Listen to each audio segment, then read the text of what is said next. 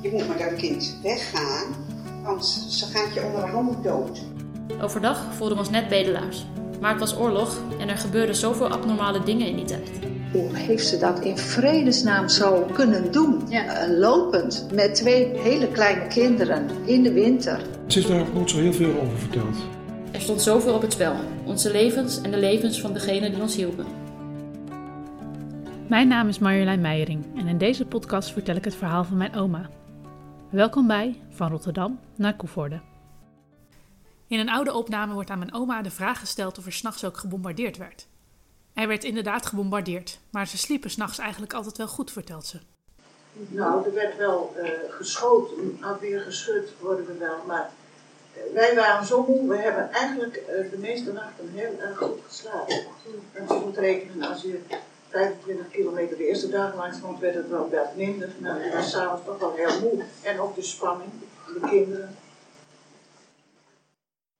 Ochtends gingen ze altijd vroeg op pad. Om een uurtje of acht waren ze altijd wel de deur weer uit om het volgende stuk van de tocht te lopen. Dat ze vroeg op pad waren, had een reden. Nou, s'morgens gingen we eigenlijk uh, in de uur of acht eerst de kinderen weer eten verzorgd. Uh, ja, ik vroeg dan ook altijd of ik even, zo is in deze boerderij, ik even, ben ik in de keuken geweest.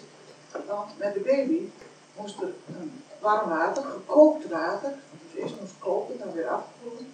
En dan moest ik een flesje klaarmaken en dan een kruipje klaarmaken. En dan kregen we soms wat uh, om zelf te eten en, en Jan.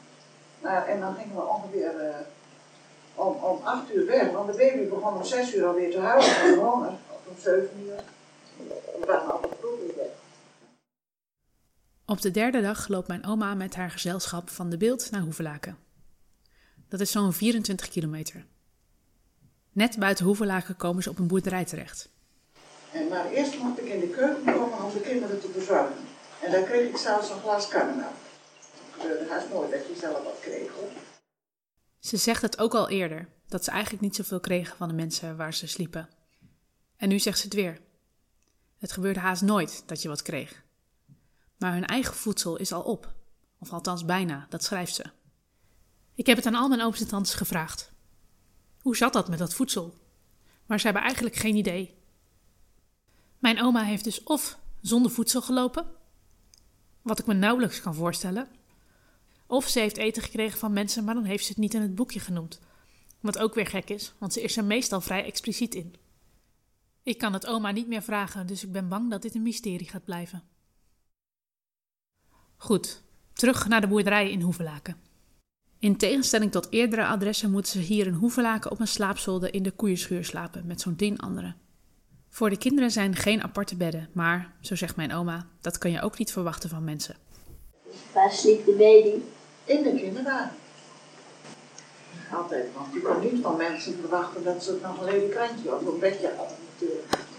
Wel, we hadden een kinderwagen bij ons. En Jan, die was anderhalf jaar, een zonnetje, die sliep ook in de kinderwagen. Ze slapen op de Hilde, benoemt mijn oma. En de kinderen sliepen in de kinderwagens op de Deel. Ik ben niet zo heel erg thuis in deze termen, mijn vader gelukkig wel. De Deel is de begane grond en de Hilde was, sliepen was dus uh, zeg maar 2 meter, uh, 2,5 meter erboven. Oh, oké. Okay. Ja, het leek me al zo raar om die kinderwagen van de boven te gaan Nee, nee, nee. Ja, de Hilde is dan echt een, een, een Saksische benaming van de ruimte boven de, de, waar de koeien stonden. Op de Hilde, hè? Ja. De Hilde. Ja, daar het altijd warm. Ja. Lekker in de koeien, koeienlucht, zeg maar. Maar ook ja. wel de lekkere koeienlucht, zeg maar. Gewoon van, van de huid. Ja. Dit is mijn tante Nelly, een van de dochters van mijn oma en opa. Ik ben ook bij haar langs geweest om haar te vragen over de tocht van oma. En haar viel wat grappigs op. Mijn oma, haar moeder, had namelijk haar pantoffels meegenomen. De kleren hield je aan, want we moesten in het hooi slapen. Schoenen deden we uit en de pantoffels aan. Pantoffels aan, zelfs nog pantoffels mee. Ja, dat is Ongelooflijk. Nou, merkelijk, hè? Van schoenen deden we uit, ook nog pantoffels mee. Ik weet nog wel, vroeger hadden wij ook altijd pantoffeltjes. Dat, dat was standaard zo. Dus dat zat gewoon waarschijnlijk in het systeem. Ja. Gewoon van, ja, de pantoffels horen erbij. Schoenen horen erbij, maar ook pantoffels. Ja, maar dat valt echt op, ja. Prachtig, hè? Je hebt niks bij je, maar wel je pantoffels. Maar wel je pantoffels. ja, precies. Ja, mooi. Ja, wanneer heb je die dan aan op zo'n tocht? Hè? Nou ja, als je het hooi gaat slapen, blijkbaar. Ja, blijkbaar, ja. Nee, ja. En terwijl mijn oma in Hoevelaken met haar twee kinderen op een hilde sliep boven de koeien, was mijn opa nog in Rotterdam en nog steeds ondergedoken. Hij sliep of thuis of bij vreemden en die adressen kregen ze dan via de ondergrondse. Op de vliering van hun kleine bovenwoning in Rotterdam hebben ze zelf ook al eerder onderduikers gehad. En dat terwijl dat helemaal niet paste. Van een vriendin hier uit Noord-Holland gedaan, die de man. Die was in Duitsland hem en die kwam met verlof en die is niet meer teruggegaan. En die kwam zelf uit de haven met zijn vriendin, kwam uit Dirkshorn. En toen is hij bij ons ook nog geweest. Maar toen zijn ze toch later al van officieel adres ergens in Noord-Holland. Wij waren heel klein behuisd. We woonden eigenlijk boven mensen. We hadden maar twee kamers, een kamer en een slaapkamer en, en, en een keukentje. Een overloop. Maar diegene die er dus op moest, op een vlieringje, zo op een matras liggen, zoals je tegenwoordig kan. Zo. Maar we konden eigenlijk geen uh, of, of mensen hebben.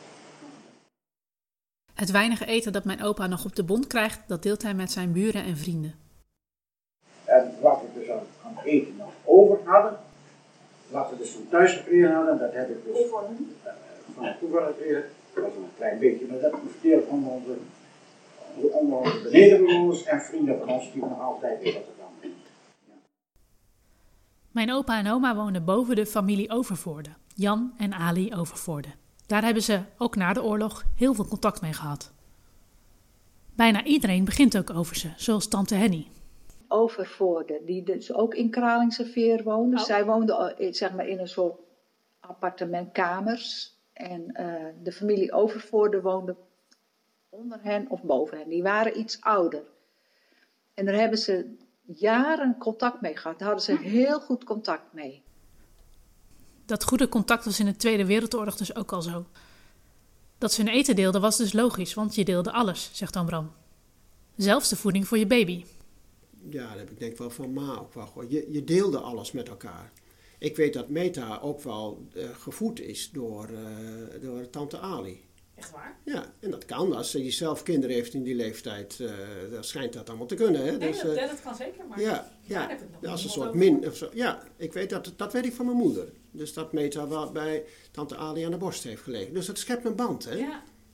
Dus je deelde wel alles met elkaar. Dat, ja. ik weet ook wel dat pa, dus jouw opa dan, hè, met uh, ome Jan van Overvoorde ook wel tabak heeft verbouwd. Want er was natuurlijk ook in de oorlog geen, uh, kon je geen tabak kopen. Dat zou niet op de bon. En alle mannen, mannen rookten. Dus dat die uh, uh, tabak verbouwde op een stukje van een vierkante meter of zo ergens achter.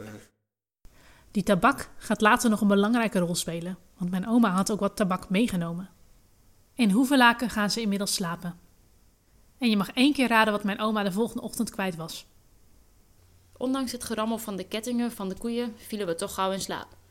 Kleine Jan riep maar steeds boe als hij wakker was.